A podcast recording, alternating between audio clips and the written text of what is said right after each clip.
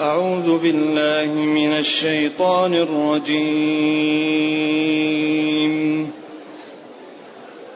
ولو ترى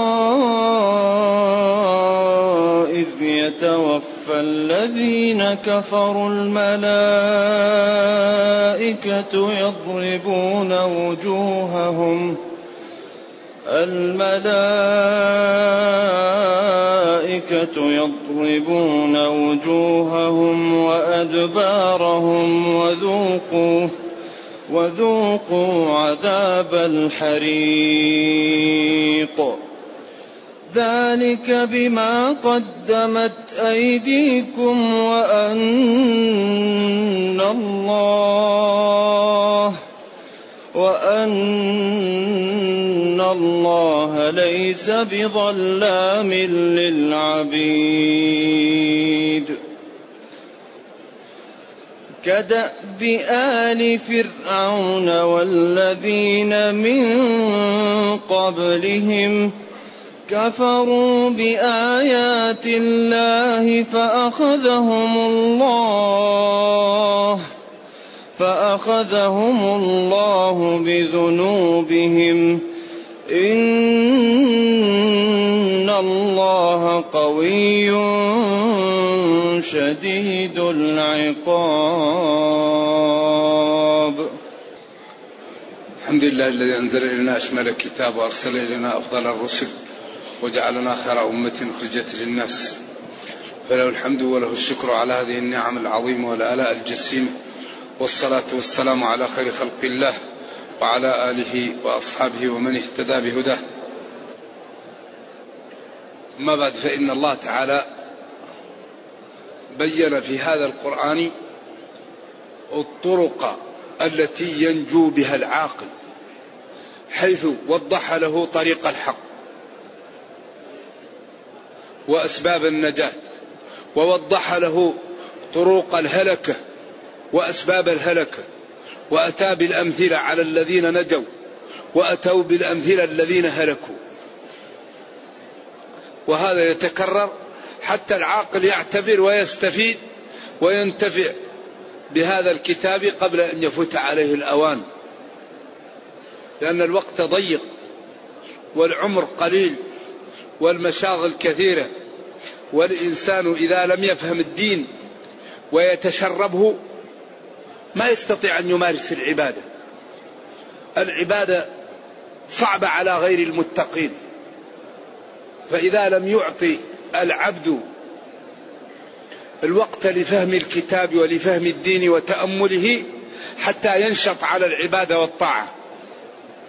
فإذا كان العبد لا يعطي وقتا للدين ولا يفهمه يصعب عليه الصلاة ويصعب عليه ممارسة الطاعة.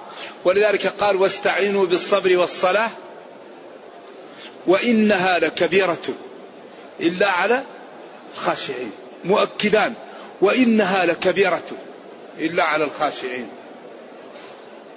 إذا هنا شريحة فسدت وهلكت وأوبقت أنفسها ذكرها الله لنا لتكون نبراسا لنا نتجنب هذه الطريق. ولو ترى يا نبيي إذ يتوفى الذين كفروا الملائكة يضربون وجوههم وأدبارهم. إذا الذين كفروا عياذا بالله يبدأوا في العقاب وفي التنكيل من بداية الموت من وقت السكرات إلى ما لا نهاية. إذا هذا الإخبار حتى العاقل لا يكون كافرا. ولا يأتيه الملائكة ليتوفوه إلا وهو على الإيمان وعلى الدين وعلى الاستقامة حتى ينجو. لو ترى يا نبي إذ وقت قبض الذين كفروا الملائكة لهالك الأمر أو لرأيت أمرا عجابا. هذا محذوف مقتضى مفهوم من السياق. لو ترى ذلك لهالك الأمر. أو لرأيت عجبا. والحقيقة أن هذا البيان المقصود منه أن الناس لا تسلك الطريق الكفار أن تبتعد عن هذه الطريق لأن الذي يسلكها مآله مآل هؤلاء. إذ يتوفى. التوفي هو الأخذ الشيء كامل أخذ الروح. الذين كفروا عياذا بالله جحدوا ربوبية الله وألوهيته. وكذبوا رسله وكفروا بما جاءت به الرسل عياذا بالله. الملائكة يضربون وجوههم عند الموت عياذا بالله. ويدخل في هذا دخول أولي أهل بدر من الكفار ومن كان على شاكلتهم يضربون وجوههم وأدبارهم. قال العلماء أدبارهم أستاههم ولكن القرآن يكني. دائما القرآن لا يصرح. و وكيف تأخذونه وقد أفضى بعضكم إلى بعض. أو لامستم النساء. دائما يكني. ولذلك قال يضربون وجوههم وأدبارهم. الوجه والأسد يضربوه. ويقال لهم ذوقوا. الذوق أصله باللسان بالفم.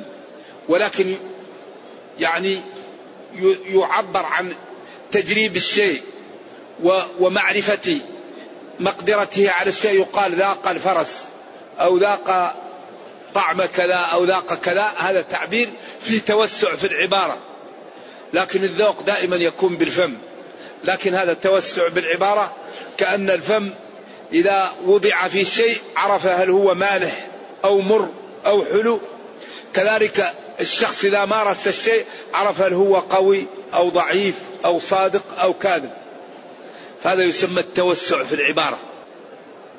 ذوقوا عذاب الحريق عذاب النار. إذا عياذا بالله. ويقال لهم ذوقوا تجرعوا روزوا باشروا. عذاب العذاب هو العقوبة.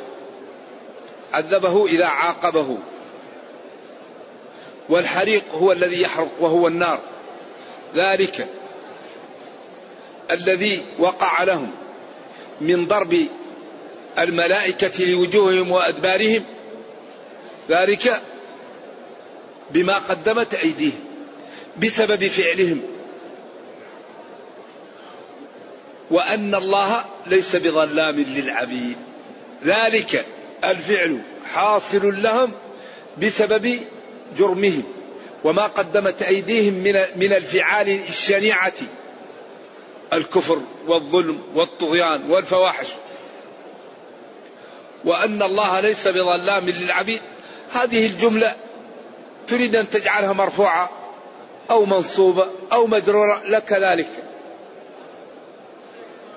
فتجعلها مجرورة بما قدمت أيديهم وبأن الله ليس بظلام للعبيد. أو تجعلها منصوبة بنزع الخافض. أيوة. وعد لازما بحرف جري وإن حذف فالنصب للمنجر نقلا وفي أن وأن يضطردوا ولأن الله ليس بظلام للعبيد. منصوبة بنزع الخافض. أو ذلك بما قدمت أيديهم وأن الله ليس بظلام للعبيد تكون معطوف على الجملة أو تكون استئنافية في محل.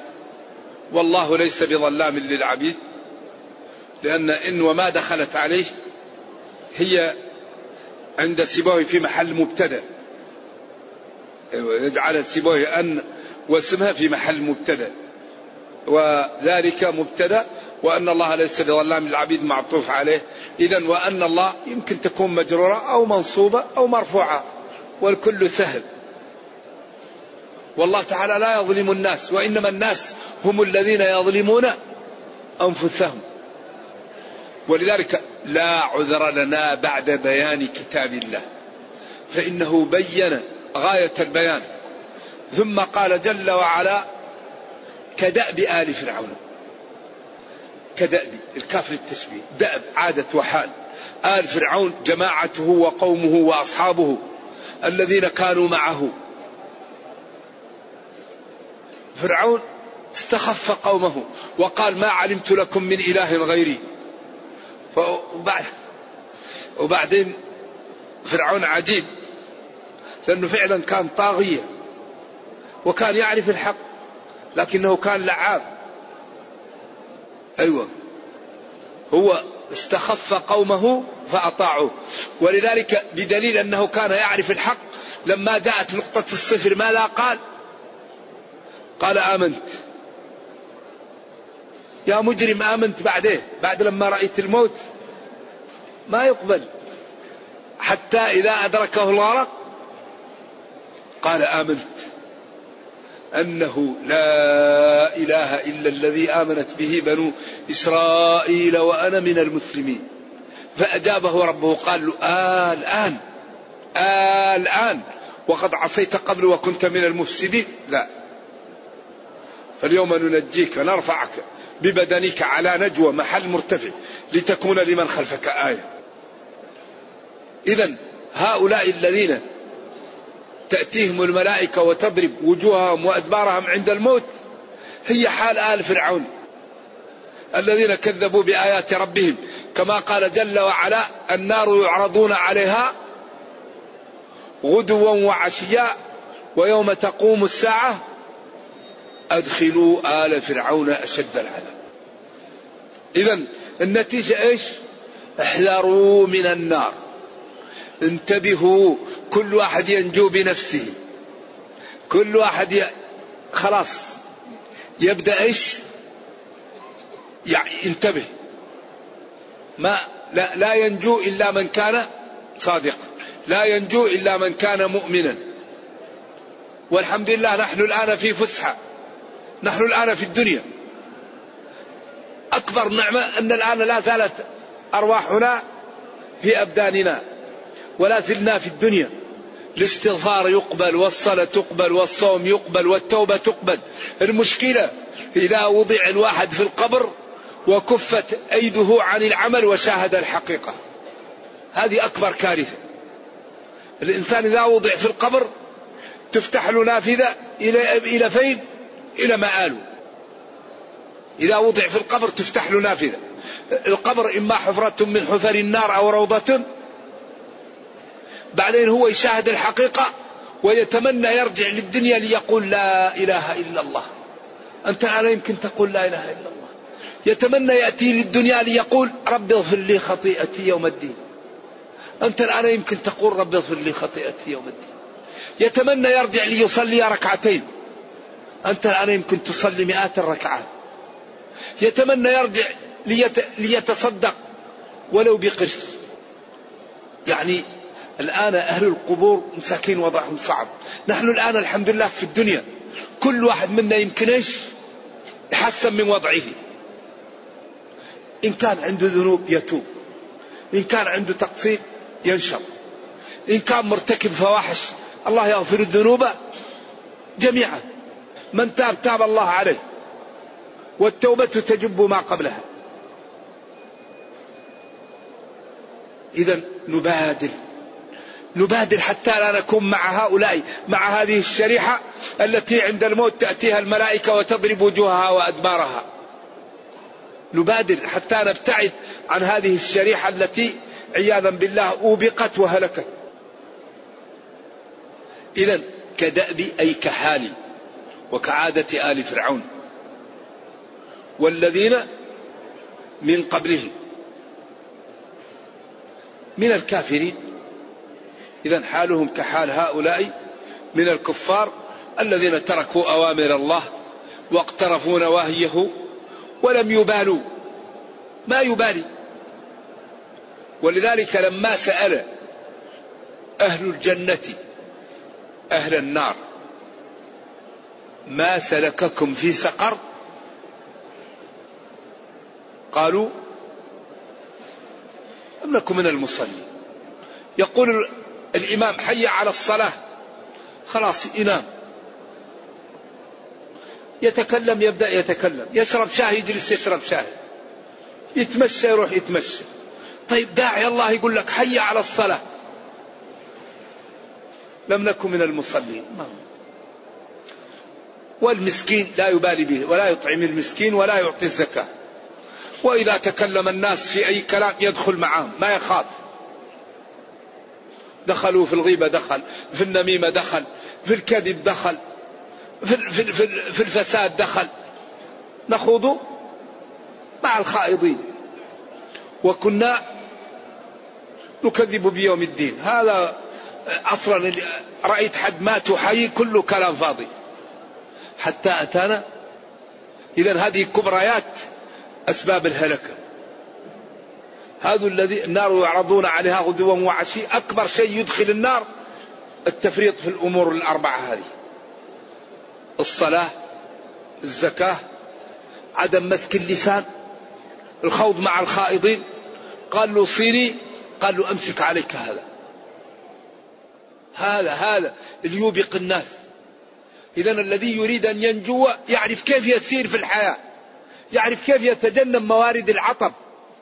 هذا هذا مشكل. قال له أمسك عليك هذا.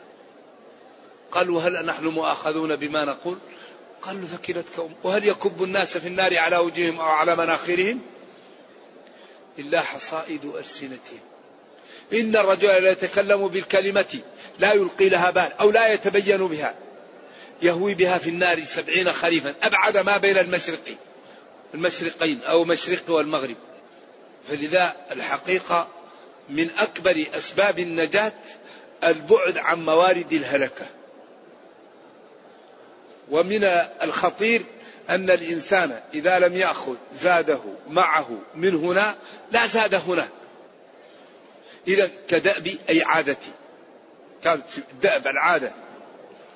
آل فرعون جماعته من أنصاره وسحرته ومن معه والذين معه وكدأب آل فرعون والذين من قبلهم. كفروا بآيات الله. كفروا بآيات الله. كفروا بآيات الله. برسله وبأدلة وحدانيته وبما جاءهم به الرسل من المعجزات. إن الله المعبود بحق قوي غالب شديد العقاب إذا عاقب. انتهى هذا؟ والله باقي شيء.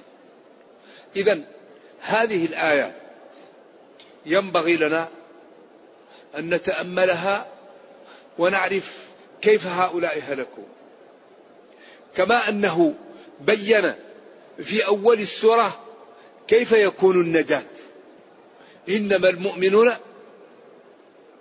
الذين إذا ذكر الله وجلت قلوبهم وإذا تليت عليهم آياته زادتهم إيمانا وعلى ربهم يتوكلون الذين يقيمون الصلاة ومما رزقناهم ينفقون. أولئك هم المؤمنون حقا.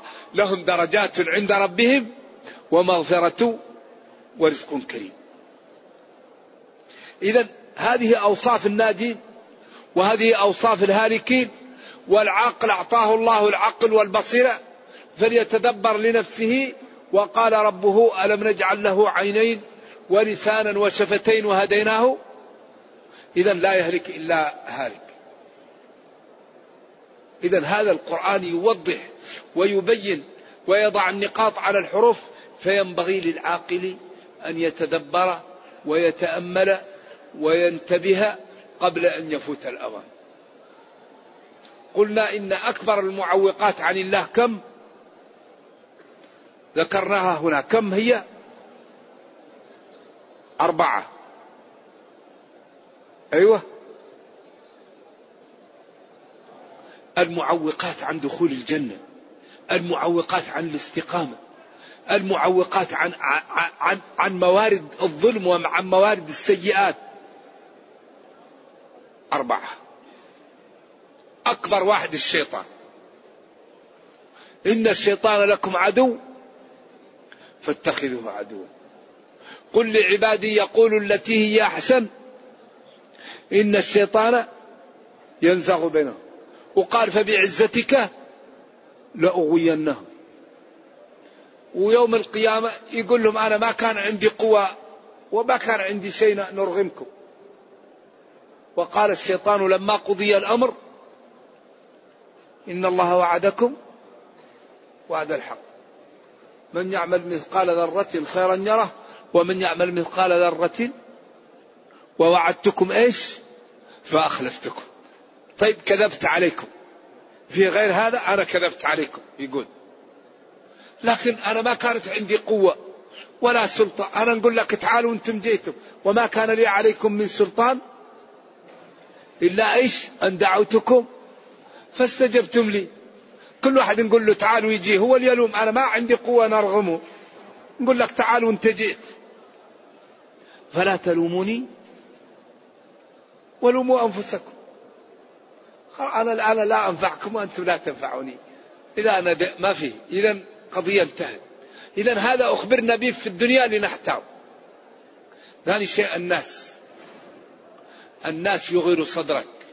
شياطين الإنس. ولذلك لا تصحب إلا من ترتفع به أو يرتفع بك. يجيك شيطان إنسي ويجعلك تقطع أقربائك وتهجر وتعق والديك وتقول الغيبة وقد أعوذ بالله يسبب لك أكبر من هذا يغضبك حتى تقع في هلكة الناس الدنيا. تغش وترابي وتسرق وتعتدي على أموال الضعاف والأيتام. الدنيا إذا امتلأ قلب الإنسان من محبتها. نرجو الله السلام والعافية. يكون دائما لا يفكر إلا في الدنيا. يريد دنيا. بعدين بالحرام بالحلال بالكذب بالدجل نرجو الله السلام والعافية. ولذلك نسأل الله لا تكون في قلوبنا وأن يرزقنا الحلال ويغنينا وإياكم. فالدنيا مشكل. الرابع النفس. إن النفس لأمارة بالسوء. وآفة العقل الهوى. فمن علا على هواه عقله فقد نجا. إذا الشيطان والناس والمال والنفس. هذه هي المعوقات عن الذهاب عن النجاة وعن الذهاب إلى السير إلى إلى الجنة في طريق الحق. وينبغي لنا أن ننتبه منها وأن نسدد ونقارب ونعلم أننا نحن الآن أحوج ما نحتاج إليه القدوة الحسنة. القدوة الحسنة. وبالأخص من يعيش من المسلمين بين ظهراني الكافرين. الذي يعيش من المسلمين بين الكافرين أمان فيه أن يكون صادقا وأن يكون مبتعدا عن المعاصي وعن الكذب وعن الدجل وعن الخيانة والسرقة. لأنه إذا فعل ذلك يتهم دينه ويقال هذا ما فعله إلا أن دينه يدعوه لذلك. فالله الله في ديننا في من يعايش غير المسلمين حتى لا يكون سببا في تنفير غير المسلمين عن الإسلام. نرجو الله جل وعلا أن يرينا الحق حقا ويرزقنا اتباعه وأن يرينا الباطل باطلا ويرزقنا اجتنابه وأن لا يجعل الأمر ملتبسا علينا فنضل. اللهم ربنا أتنا في الدنيا حسنة وفي الآخرة حسنة وقنا عذاب النار. اللهم اختم بالسعادة آجالنا واقرم بالعافية غدونا وآصالنا واجعل إلى جنتك مصيرنا ومآلنا يا أرحم الراحمين. وصلى الله وسلم وبارك على نبينا محمد وعلى آله وصحبه. والسلام عليكم ورحمة الله وبركاته. استغفر الله استغفر الله استغفر الله استغفر الله. يقول من قال لا إله إلا الله خالصا من قلبه ولم يعمل. أي عمل؟ هل هذا كاف بأن يطلق عليه اسم الإيمان؟ هذا فيه شبه مغالطة. كيف إنسان يقول لا إله إلا الله خالصا من قلبه ولا يعمل؟ أي إنسان يقول لا إله إلا الله خالصا من قلبه يعمل؟ ولذلك الله قال والعصر إن الإنسان لفي خسر إلا الذين آمنوا وعملوا الصالحات. ثم رددناه أسفل السافلين إلا الذين آمنوا.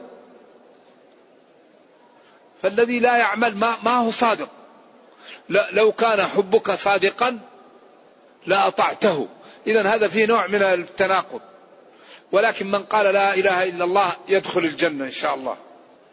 ما حكم العمل في البنوك الربوية؟ طيب أنت تقول بنوك الربوية وتقول ما حكم العمل؟ أنت تقول بنوك ربوية وتقول ما حكم العمل؟ طيب ما حكم الربا؟ الواحد يبتعد عن هذا أحسن له. ما حكم اللحن في الأذان؟ لا ينبغي ولكن لا يفسد الأذان. لا ينبغي. يقول ما حكم من دخل المسجد قبل أذان الفجر بدقائق وأراد أن يشرب ومن السنة, السنة أن يشرب جالسا وتذكر قول النبي صلى الله عليه وسلم إذا دخل أحدكم المسجد فلا يجلس حتى يصلي ركعتين وإذا صلى فاته شرب ماء زمزم. يا أخي تشرب وإذا شربت قائما لا يضر وبالأخص زمزم. وإن جلست وشربت وقمت صليت لا يضر الأمر سهل. لأن هذا ليس جلوس هذا جلوس لأجل الشراب. والدين يسر. النبي صلى الله عليه وسلم شرب واقفا. وكان الشرب من شرب قائما فليستقى هذا منسوخ. وشرب زمزم واقفا عند بئر زمزم. أيوة ولذلك قالوا عند زمزم يشرب واقف أما الجلوس سنة للشرب. لكن لو شربت قائما ليس عليك إثم وإن جلست لأجل الشرب أنت ما جلست. أنت تريد أن تشرب. فتقوم وتصلي الأمر في هذا سهل. نعم. يقول آه، قال الله تعالى حكيا عن الشيطان وقال الشيطان لما قضي الأمر الآية إن الله وعدكم وعد الحق ووعد. اشرح لنا هذه الآية هل تسمى هذه بخطبة الشيطان؟ هل حقيقة أن الشيطان يصعد على منبر من نار يوم القيامة ويخطب؟ هكذا قال المفسرون. لأن هذا فيه نوع من العقوبة له والعقوبة لأتباعه. هذا نوع من التنكيل به. نعم. وقال الشيطان لما قضي الأمر انتهت. إن الله وعدكم. وعد الحق. من يعمل مثقال ذرة خيرا يره ووعدتكم فأخلفتكم. قلت لكم الدين ما هو صحيح. ما فيه بعث. وأخلفتكم. وما كان لي عليكم من قوة إلا أن دعوتكم فاستجبتم لي. نعم. ما حكم قراءة الفاتحة خلف الإمام في الصلاة الجهرية ومتى وقتها؟ وقتها في المكان الذي تجده. نعم إذا أعطاك فسحة أي وقت تقرأها. يقول إنه عنده أخويه لا يصلي. هل يأكل معه الطعام أو يبتسم في وجهه؟ هذا أخوك لا يصلي هذه مشكلة. ما تأكل مع أخيك مشكلة تأكل مع من لا يصلي مشكلة. طيب هذه يبقى لك تدخلها في معمل تزاحم المفاسد. لذلك يعني اتصل باللجنة الدائمة للإفتاء واسألها عن هذا السؤال. هما مفسدتان الآن. مخالطة من لا يصلي مفسدة. وقطع القريب مفسدة. طيب أي المفسدتين أعظم الآن؟ تسألهم وهم إن شاء الله يجيبوك بالإجابة القوية. نعم.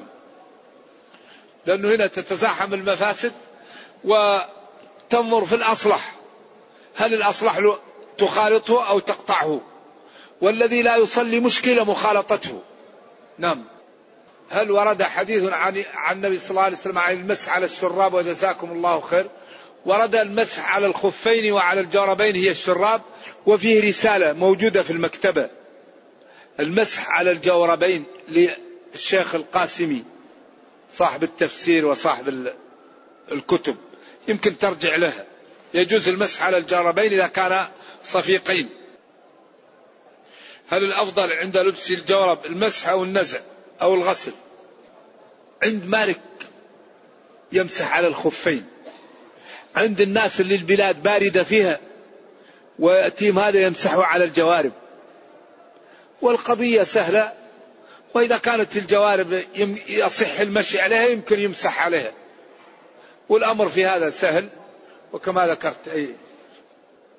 يقول إنه تائب إلى الله وعنده ملابس وأشياء أخرى وجوال من مال حرام ماذا يفعل به. كثير من العلماء وطلاب العلم يقولون إن الإنسان إذا كانت عنده أشياء محرمة مثلا إنه يجعلها في شيء عام لمصالح المسلمين. مثلا كان واضع ماله في بنوك ربوية وجاءته فوائد من هذه البنوك. يقول لك هذه وضعها في أمور عامة للمسلمين أو أرسلها لناس محتاجين يحتاجون أو تحل لهم الميتة لكن الحقيقة أنا أتعجب من هذا الحقيقة لأنه هو شيء نجس. كيف تؤكل الناس النجس؟ هو الربا نجس والمال الحرام نجس. طيب أنت كيف تعطي للناس النجس؟ ولا تيمموا الخبيثة ولذلك النبي صلى الله عليه وسلم لما نزل تحريم الخمر ماذا فعل بها. ما قال هذا مال متمول نروح نجمع ونبيع ونعطيه للفقراء. الخمر لما جاء تحريمها ما الذي فعل بها؟ أريقت حتى سالت بها, بها الشوارع. وهذا مال يعني الذي يسيل منه الشوارع من الخمر هذا مال متمول. إذا الحرام يا أخي يبعد لأنك تعطي للناس الحرام مشكلة. فلذلك رأيي أن الواحد يبتعد عن الحرام. ما الفرق بين الكفر والشرك؟ قد يعني كل شرك كفر. وقد الإنسان عياذا بالله يكفر ولا يشرك يعني يجحد وجوب الصلاة. يقول الله واحد لكن الصلاة ما هي واجبة. إيش يكون؟ كفر. يعني الشرك عياذا بالله هو أن يعبد مع الله إيش؟ غيره يشرك به آل يعبد غير الله. والكفر هو أن ينكر الإنسان الضروري من الدين. إنسان أعوذ بالله يرمي المصحف يكفر. إنسان يلبس الزنار يكفر. أيوة إنسان يعني شيء خاص بالكفار يتجمل به هذا ردة عند الفقهاء. إذا الكفر يكون الردة تكون بما لا بالقول وبالفعل والشرك عياذا بالله هو أن يعبد العبد مع الله غيره. نرجو الله السلامة والعافية. وما معنى كلمته ألقاها إلى مريم وروح منه؟ كلمته كن. أيوة. وروح منه النفخ الذي نفخ فيها جبريل. أيوة. الروح تقال للنفخ. أي صادرة بأمر الله تعالى خلقها. ولذلك هذا الذي لبس على الكفار على النصارى. كيف نرد على المتصوف الذين يحتجون بأن التصوف كان موجودا عند قدماء السلف؟ نرد عليهم بأن النبي صلى الله عليه وسلم وأبا بكر وعمر ما كانوا يقولون إن فيه دين ظاهر وفيه دين باطن أبدا. الباطن بين الله وبين العبد. أبدا.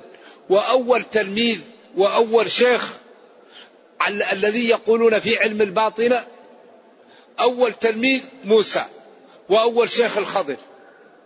ولما سأل موسى قومه من أعلم الناس؟ قال أنا. فأوحى الله إليه في مجمع البحرين رجل أعلم منك. قال من لي به؟ من لي به؟ قال خذ مكتل واذهب. فلما جاءه قال السلام عليكم. قال له أين لك السلام؟ قال أنا موسى. قال له موسى بني إسرائيل؟ قال له نعم. قال له أنا أريد أن نتبعك لنتعلم منك. قال له أنت على علم علمك الله وأنا على علم علمني الله. ما تستطيع أن تصبر معي. قال له سأصبر. فلما جاءوا للسفينة وحملوهم بغير نول أخذ الخضير لوح من ألواح السفينة ونزعه. على طول قال له موسى أخرقتها لتغرق أهلها؟ قال له ألم قل إنك؟ وهم يكتبون في كتبهم أنه لا يجوز أن ينكر التلميذ على الشيخ ولو بقلبه. في الرماح وفي نعت البدايات أنه لا يجوز أن ينكر التلميذ على الشيخ ولو بقلبه. لا يجوز الإنكار. طيب أول تلميذ أنكر على الشيخ. قال له ألم قل إنك؟ هنا ألم قل إنك. شوي وجد غلام قتلوا قال منكر لا صبر على هذا. قتلت نفسا. لقد جئت شيئا نكرا. هنا قال له ألم أقل لك؟ شوي الجدار.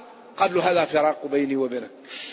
أما السفينة فكانت لمساكين وأما الغلام فكان أبواه مؤمنين فخشينا أن يرقهما. وأما الجدار فكان لغلام يتيمين وفي النهاية قال وما فعلته عن أمري. فالتحقيق أن الخضير نبي. وإن أباها من أباها لأن قتل الناس وتفسيد أموال الناس لا يجوز بالإلهام وينبذ الإلهام في العراء. قال وما فعلته عن أمري. والذي الحقيقة لا نريد أن نتكلم المشكلة في هذا الجانب أن أي شيخ يموت لا بد أن يكون ابنه شيخا. ما هو معقول؟ طيب التلميذ إذا ما تعلم الابن إذا ما تعلم كيف يكون شيخ؟ هل رأيت شيخ صوفية ما ولده شيخ؟ إذا هذا الذي يرى في المال. العلم من تعلم يكون عالم من لم يتعلم لا يكون عالما. لكن لا يمكن شيخ صوفية يموت إلا لازم ولده بقدرة قادر يصبح شيخ. طيب هذا ما هو معقول. بعدين أخذ أموال الناس وبعدين أشياء. وبعضهم يقول أن النبي صلى الله عليه وسلم راح له وجاه يقظة لا ما ما ناما وأعطاه صلاة. إيش هذا؟ النبي صلى الله عليه وسلم بلغ الرسالة وأدى الأمانة. كيف يرى يقظة لا مناما كيف هذا؟ هو أدى الرسالة ونصح للأمة وانتفق إلى الرفيق الأعلى ولا القيامة لم تقم. كيف نراه يقظة لا مناما إذا أقل ما يقال في هذا أنه خطأ. هذا أقل ما يقال فيه أنه خطأ. ولذلك الدين ما شرعه الله والحق ما بينه الله. والله قال اليوم أكملت لكم دينكم أما واحد يأتي لك بأدعية ما هي واردة وصلوات ما هي واردة وأشياء لم ترد. هذا ما هو الدين. الدين ما جاء من عند الله. أبو بكر وعمر آه، ابن مسعود لما رأى واحد يقول لهم اذكروا الله سبعين مرة قال والله لقد سبقتم أصحاب رسول الله أو ضللتم. ما كنا نعرف هذا. اذكروا الله مئة مرة. لا. ذكر الله إذا قيل هو حلق الذكر هو العلم. ما كان الصحابة يجلسون ليقولوا لا إله إلا الله لا إله إلا الله. لا اللي يريد أن يقول لا إله إلا الله استغفر الله يجلس لحاله. إذا كانوا يجلسوا مع بعض يتعلمون يقرؤون يشرحوا لبعض يبحثون قضايا المسلمين. أما واحد يجلس وهما يذكروا مع بعض ذكر الله مقصود به التعلم حلق الذكر حلق العلم. أما لا يريد أن يذكر الله يذكره لحاله يستغفر الحال يصلي الحال ولذلك ينبغي لنا أن نجعل منهجنا اتباع الحق. الحق نتبعه. شيخي قال الحق نتبعه. أبي قال الحق نتبعه. إمامي قال الحق نتبعه. شيخي قال غلط نتركه. إمامي قال الغلط نتركه. إذا ينبغي أن نقبل الحق ممن قاله ونرفض الخطأ ممن قاله. ينبغي أن يكون لنا ميزان. ومع الأسف أن كثير من المسلمين عندهم أدعية ما وردت أذكار ما وردت أمور ما وردت. الآن في أغلب البلدان الفاتحة. طيب هل مر بكم حديث في الفاتحة؟ الحديث التي تصح تزيد على عشر آلاف. حديث صحيحة يمكن قرابة عشر آلاف أو تسعة آلاف. أو خليها سبعة آلاف حديث صحيح. هل فيها واحد اسمه الفاتحة؟ الفاتحة كلها خير وهي أفضل سورة من القرآن وفيها القرآن ملخص لكن النبي صلى الله عليه وسلم ما قال الفاتحة. اتبعوا إيش؟ ما أنزل إليكم. تجد أمة مصطلحة إذا انتهى الفاتحة الفاتحة. طيب من أين هذا؟ من أين جئت بهذا؟ الدين بالاتباع. هل في حديث قال الرسول صلى الله عليه وسلم الفاتحة؟ طيب لماذا نقول؟ نقول ما قال. نقرأ الفاتحة والمعوذتين عند النوم. نقرأ سورة البقرة لا يدخل شيطان. نقرأ آية الكرسي. نقرأ القرآن لما نوى. أما نكون نأتي بأشياء من أنفسنا هو الدين من الله. ركعتين أربعة ثلاثة صوم شهر. حج في وقت معين. يوم عرفة يوم من إذا فاتوا فقدك الحج. إذا الدين بالاتباع. نحن ينبغي يكون المنهج سليم حتى ولو نخطئ لا يسلم أحد من الخطأ. لكن المهم أن يكون المنهج سليما. أما كل كلنا خطاء وخير الخطائين التوابون. فينبغي أن أن نوطن أنفسنا على اتباع النصوص. قال رأيت نص على العين وعلى الرأس.